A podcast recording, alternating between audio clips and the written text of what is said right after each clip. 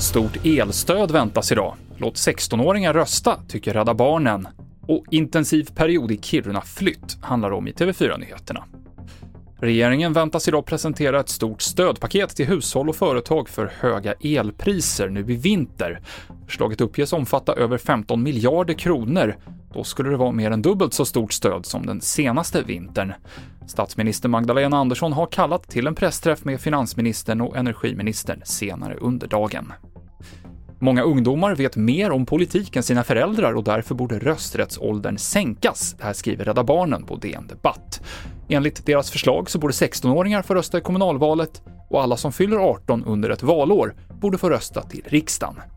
Just nu pågår den kanske största förändringen under hela stadsomvandlingen av Kiruna.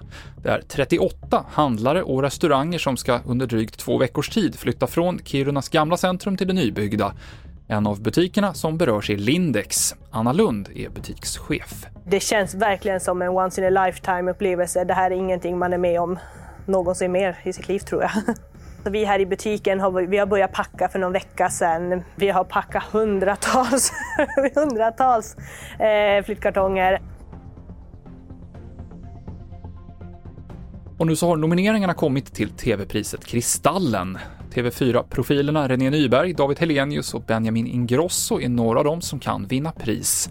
Så här säger David Helenius om att vara nominerad som årets manliga programledare. Känns väldigt stort. Det är jag väldigt glad för. Tack alla ni som har röstat.